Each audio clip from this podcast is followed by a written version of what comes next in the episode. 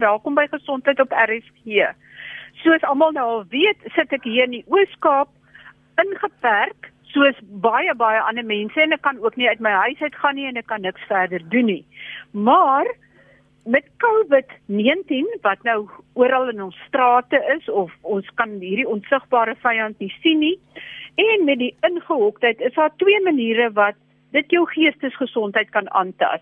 In die eerste plek jou vrees dat jy hierdie siekte gaan kry en dat jy dalk een van die gelukkiges gaan wees wat dit maklik en lig gaan kry en dit oorleef nie. En aan die ander kant die ingehoktheid en vir iemand wat uh reeds angstig is, reeds aan depressie ly, kan dit dalk 'n groot groot probleem raak. My gas op die lyn is Dr Eugene Allers. Hy's 'n psigiater verbonde aan die Suid-Afrikaanse Vereniging van Psigiaters SASOP en baie welkom Dr Allers. Goeiemôre, Marie. Goeiemôre. Vertel vir ons angs en depressie in die tyd van COVID. sien julle enige toename daaraan? Is julle bekommerd daaroor? Ja, ek dink 'n mens moet kyk na die lesse wat mense in die verlede sou geleer het van pandemies.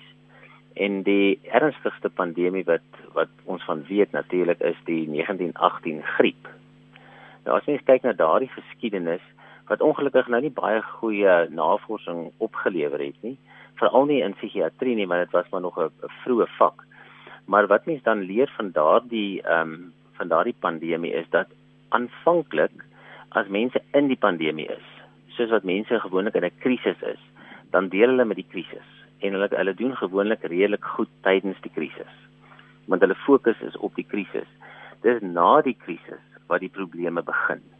Wanneer die gevolge van die krisis dan sigbaar word en aan mense se lyf gevoel word, wat die groot probleme begin. Natuurlik aanvanklik die mense wat wel die virus opdoen, uh ons weet een ding is as mense 'n verhoogde immuunrespons het en ons noem dit 'n sitokinase storm wat hulle dan het. Hulle eie immuunstelsel stel 'n uh, chemikalie vry om hierdie virus te beveg. En daardie chemikalie is soms ook skadelik vir jou eie lyf en jou eie liggaam en selfs die brein. En wat ons dan sien is dat mense kan die mekaar raak, hulle kan ehm um, psigiatriese gevolge daarvan ontwikkel. So van die pasiënte in die navorsing wat ons sien van COVID is dat hulle wel nadat hulle tydens die die die episode natuurlik delirieus raak en dan na die tyd ou daar 'n hoë insidensie van van depressie en angs. Maar in die algemene bevolking waar die mense nie noodwendig die infeksie gehad het nie, gaan dit redelik goed. Die die probleem kom gewoonlik na die na die eerste krisis. En dit is wanneer wanneer mense huis toe gaan en agterkom, jy weet, ek het nie meer werk nie of ek het nie geld nie of van my mense is dood. Dit is wanneer dan groter probleme begin. En daai skade aan die brein as gevolg van daai oorreaksie van die immuunstelsel, is dit tydelik of is dit permanent? Dit kan permanent of tydelik wees. Party mense kan selfs ernstige psigose ontwikkel wat dan permanent kan word. Meeste van die kere is dit tydelik as mens vroeg behandel en dit goed behandel, is dit gewoonlik dan net tydelik. Uh dit lyk of dit nie vreeslik die steenweefstelsel aantas nie. Ehm um, soos met ernstige probleme soos enkefalitis en Guillain-Barré, daar's 'n paar gevalle van Guillain-Barré geïdentifiseer, maar as ons kyk na die totale hoeveelheid pasiënte wat dit gekry het, is die neurologiese konsekwensies nie so so ernstig of so algemeen soos wat byvoorbeeld die 1918 griep was nie. Maar ehm um, die die ernstige meer ernstige ding is dan die die psigiatriese gevolge van hierdie hierdie immuunrespons wat ons sien. Ek verstaan.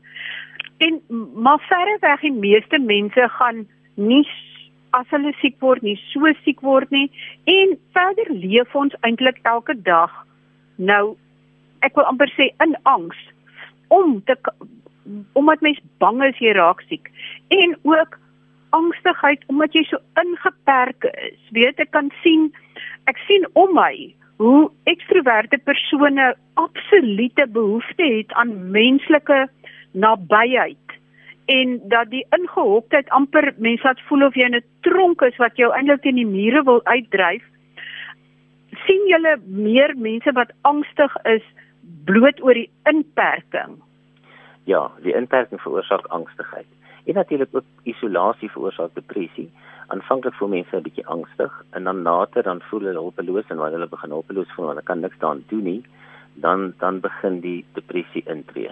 So net die inperking alleen veroorsaak die angs en depressie by mense, veral met mense met uh met psigiatriese probleme of wat alreeds psigiatriese probleme het, is dit meer ernstig en dan en en word dit word meer uitgesproke. En wat kan mense doen daaraan? Weet dit is uh sal medikasie help? Wat wat kan mense doen daaraan om om die is, die angstigheid en die depressie te verlig? dis een van die psigiaters se grootste bekommernis dat mense hierdie ding moet probeer voorkom. As ons kyk na die na die 1918 pandemie, die grieppandemie toe, die die die gevolge van so 'n pandemie kan tot 6 jaar later duur en selfs langer. Want uh as jy kyk na die psigiatriese opnames in hospitale na die 1918 pandemie, het dit gebleik dat 7 keer meer mense psigiatriese ernstige psigiatriese toestande ontwikkel het. 7.2 keer meer en dit het vir 6 jaar aangehou en toe eers begin stadig afneem. So die gevolge van so 'n pandemie kan kan baie lank aanhou. Nou die vraag is dan as ons dan weet dit gaan kom, wat kan ons doen om dit te voorkom? En ek dink een van die dinge, een van die belangrike dinge is om te erken, gelukkig in vandag se lewe het ons 'n beter, uh, minder gestigmatiseerde omgewing wat psigiatrie en geestelike gesondheid betref. Natuurlik in 1918 as jy enig iemand gesê psigiatrie of sielkunde dan was jy mal en dit was onmiddellik gestigmatiseer. Vandag het ons nie daardie houding nie.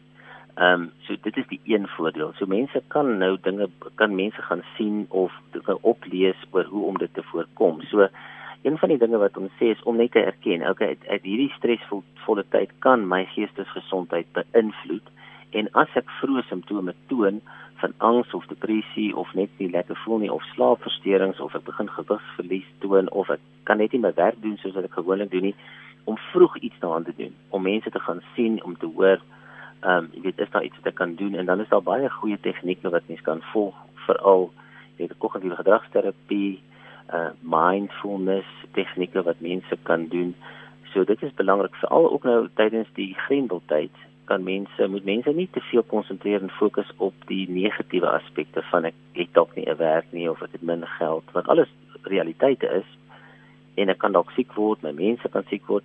As jy die hele tyd op daardie negatiewe aspekte fokus, dan verander die brein ook in 'n sin van dit word 'n negatiewe omgewing en die brein word gespanne en die liggaam voel dit en mens voel meer gespanne. Dit is beter om 'n 'n 'n denkpatroon te hê van positiwiteit oor. Ag, dit is dalk goed. Ek kan nou tyd met my familie spandeer. Ek kan 'n bietjie my vrou en my kinders beter leer ken. Uh ek kan 'n bietjie meer tegnologie uitprobeer wat ek nog altyd bang was om uit te probeer so Skype of Zoom of, of WhatsApp oproep of video. So mens moet dit eerder as 'n positiewe ding dan probeer ervaar en probeer dit so uitleef as 'n negatiewe ervaring. Wanneer 'n mens begin negatief raak, dan moet mens eerder iemand gaan sien wat jou kan help om weer bietjie meer positief te dink. So ek dink as mense 'n positiewe ingesteldheid het teenoor hulle hulle sielkundige en, en geestesgesondheid, dan is dit al klaar die eerste stap. En hoe verander die brein as jy dan so negatiewe gedagtes het? Kan jy dit waarneem dat sê maar serotonien vlakke daal of dat uh, iets anders te gebeur in die brein of of nie ja, eintlik nie? Baie, die brein verander heeltemal en dit is ook op 'n uh, genetiese vlak, op 'n epigenetiese vlak. Wanneer mense na die na in die brein na die brein kyk van mense byvoorbeeld in Kanada het hulle navorsing gedoen op hoe verander die genetika van die brein, die epigenetika. En die epigenetika van mense wat selfmoord gepleeg het, het hulle bestudeer en gevind dat daar dramatiese epigenetiese veranderinge in die brein plaasvind wat natuurlik oorgedra kan word aan jou kinders. So een van daardie een van so as as mens negatief dink dan dan verander dit ook jou gene. Omdat gene dan die die die die uitdrukking van die brein se neurooordragstowwe dryf omdat dit dit maak omdat dit proteïene is, dan is die oordragstowwe wat dan gemaak word anders of minder of meer. En dit is baie duidelik dat mense met depressie of mense in negatiewe omstandighede ehm um, vervaardig minder van die van die goeie oordragstowwe in die brein. En wanneer ons dan psigoterapie doen soos kognitiewe gedragsterapie, dan of medikasie, dan kan mens duidelik sien dat die brein weer verander, dat die brein begin om die goed weer af te skei en die en die en die, en die uh, chemikalieë in die brein verander weer na meer 'n positiewe ding. So psigoterapie byvoorbeeld word vandag nie gesien as net praatterapie nie, dit word gesien as 'n organiese behandeling, as 'n fisiese behandeling van die brein, want die brein verander fisies. So mens kan net 'n afleiding maak as jy kan deur psigoterapeutiese intervensies en positiewe denke en al die dinge wat saam met dit gaan, die brein positief kan beïnvloed dan duidelik kan ons wel net aflei dat negatiewe gedagtes, negatiewe ervarings die brein negatief beïnvloed en dat die brein dan minder oordragstowwe afskei en 'n chemiese wanbalans veroorsaak. Met ander woorde, jy kan eintlik jouself help deur jou gedagtes so positief as moontlik te probeer maak en jouself so kalm as moontlik te probeer ek wil amper sê afpraat dat jy dat jy nie die die uh, angstige gedagtes stimuleer nie. Presies. Dit is die mense wat byvoorbeeld by 'n gesprek is of by 'n braai en dan praat oor al die vreeslike politieke dinge wat gebeur en dit gaan gebeur. Later voel almal depressief. Dit is baie beter om te praat oor die rugby vir alles ons gewen het tydens die 1995 wêreldbeker rugbywedstryd toe Mandela op die veld gegaan het en op op die skouers van uh, van die rugby spelers gesit het was dit 'n ongelooflike goeie tyd in Suid-Afrika dit was 'n nuwe bedeling almal het positief gedink daar was baie min, min rasisme um, Mandela het hard daaraan gewerk en almal was baie positief en ons weet tydens die 95 tydens daai hele tydperk van 95 dat daar baie minder geestesongesteldhede was. Selfs die psigiatriese hospitale was baie leeg, want daar was 'n baie sterk positiewe gevoel. Ehm um, sodra dinge begin negatief raak, dan begin dit mense reg drasties ehm uh, psigies beïnvloed en ehm um, en dan kry ons ook meer geestesongesteldhede. So 'n positiewe ingesteldheid is absoluut essensieel vir goeie geestesgesondheid.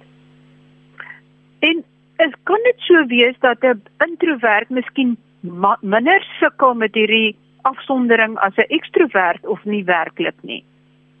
Nee, dit sou wees mense wat gewoond is om geïsoleerd te wees of nie baie van mense hou nie, sal nie die tyd baie so stresvol ervaar soos mense wat tussen ander mense moet wees nie.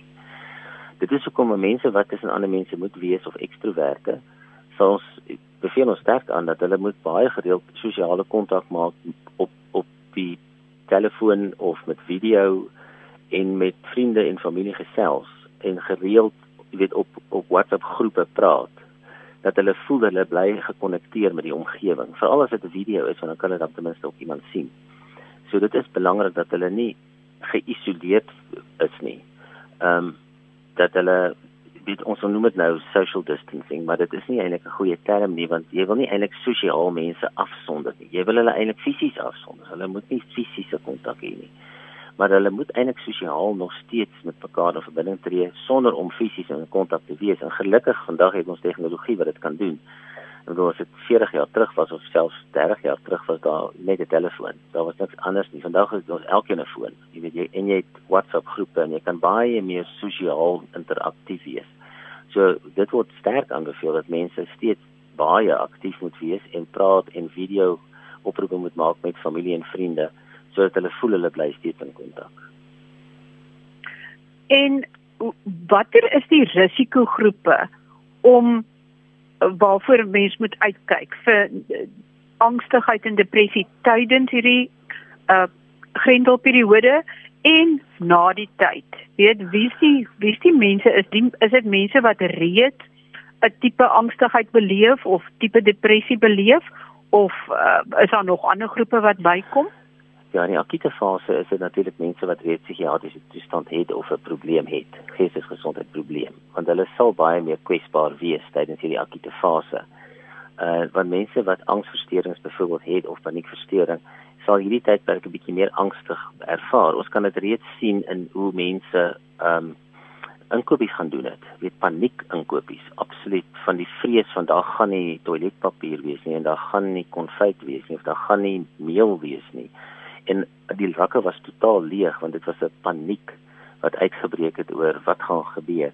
Nou as mense en, en dit is die bevolking, so jy kan dink mense met 'n paniekversteuring of angsversteuring, hierdie daai angs van wat gaan gebeur en die angs van die onbekende is natuurlik baie erger. En dit sal hulle natuurlik baie meer nadelig tref. Ehm um, en die simptome van die paniek of die angs sal baie verhoog.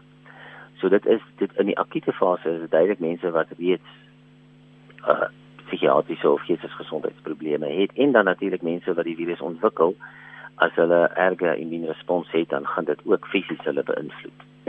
so in die akute fase is dit duidelik.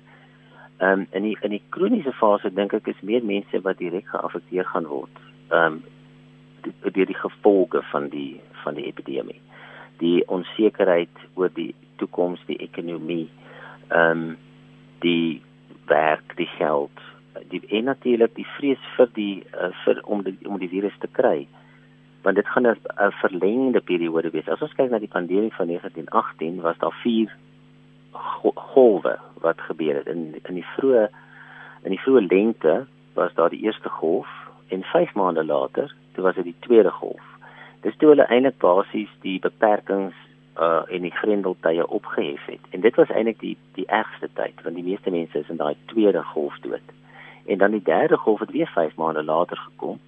En dan die vierde golf het so jaar later gekom, maar dit was nie ernstig nie. So daar was drie verskriklike golwe wat elkeen so 5 maande uitmekaar is. Nou in hierdie eerste golf aanvaar mense dit is reg, ons moet hier wees en ons is beskerm. En dan begin die die dan begin mense ontspan en dan word die die grendeltye verander en die grendel status verander en dan begin daar 'n tweede golf. So wanneer die tweede golf gaan kom in COVID, dan bevrees dan mense onbevrees dat dit gaan mense vers, verskriklik beangs maak want dan kan hulle sien hier begin dit weer. En en dit is wanneer die groot probleme dan ook begin in terme van die ander angstigheid en depressie van mense. So dit hierdie akute fase dan hierdie intermediêre fase en dan die kroniese effekte. Die kroniese psigiatriese effekte ook tydens die pandemie van 1918 is dat baie mense somatoforme versteurings ontwikkel het. Nou in daai tyd kan ons nou weet jy as jy fisiese siekte gehad het, as jy geestes ongestel was en jy kan dit omskep het in 'n fisiese simptoom. Uh hulle het dit genoem enkefalitis lethargica. Dan was dit meer aanvaarbaar in daai tyd. Ons hoef dit nie meer te doen nie want dit is nie meer gestigmatiseer nie, maar daar was 'n ernstige verhoging in in in psigiese en fisiese probleme na die pandemie. So ons verwag dit ook hierdie in in hierdie pandemie dat dit ook die die langtermyngevolge sal wees. Ja, want as die inperking algaande verminder word, beteken dit nog nie die virus is weg nie en mense moet eintlik maar die gedrag wat hulle nou aangeleer het, maar voortsit sover as wat hulle kan, weet nog steeds nie aan alles vat nie, hande was ensovoorts, weet nie bo op ander mense gaan staan nie. En dit lyk of dit oor so 10 maande gestrek het die pandemie in 1918 van die van die eerste aanvang tot die, die laaste keer wat was omtrent 'n jaar. En uh, ja. so dit is ten minste vir 'n jaar wat mense baie streng sal moet kyk dat hulle nie die die infeksie opdoen nie. so en ek dink as mense aanvaar dit is die tyd dit is wat ons sal moet doen en ons sal moet ernstig kyk dat ons nie die virus verder versprei nie deur ehm um, beskermende klere te dra, deur hande te was, deur nie die virus te versprei nie dan gaan dit mense ook rustiger maak. Want as ons 'n ernstige tweede fase gaan kry wanneer dinge weer oopmaak dan gaan dit mense geweldig psigies beïnvloed. Want dan dan dan, dan hoe kom dit weer. En gaan ons nou weer in 'n in 'n 'n periode van grendel ingaan met al die gevolge daarvan. So dit sal nie 'n goeie gevolg wees psigies nie. Ek wou gehoor het iemand wat in hierdie sitokinase storm, met ander woorde dat jou immuunstelsel ooreageer, is mense met auto-immuun siektes, met ander woorde die wat makliker asma kry, tiroïedprobleme en ander tipe uh auto-immuun siektes, is hulle meer vatbaar om so ooreaksie uit te lok of nie? Hulle is as mense se se se se uh, immuunstelsels geaktiveer is of gesensitiseer is, dan ontwikkel hulle meer hierdie probleme. So oorgesensitiseerde immuunstelsel ontlok meer probleme. Dit is interessant om te kyk dat eh, depressie in baie gevalle is ook 'n inflammatoriese respons. Ons sien dat van hierdie sitokinase en sitokines in depressie ook verhoog is in in in die stelsel in die liggaam en ook in die brein. So dit is ook uh, daar is definitief 'n inflammatoriese respons ook in terme van depressie wat ontwikkel. Wat beteken dat hierdie stelsel is reeds gesensitiseer. So wanneer mense dan dan 'n uh, infektiewe toestand ontwikkel soos COVID, gaan hulle dan natuurlik 'n uh, groot reaksie toon. Uh en en is hulle meer vatbaar daarvoor. Ons sien ook dat in elk geval mense met kroniese inflammatoriese of auto-immuun siektes dat die insidensie van psigiese psigiatriese siektes baie hoër is as in die normale bevolking.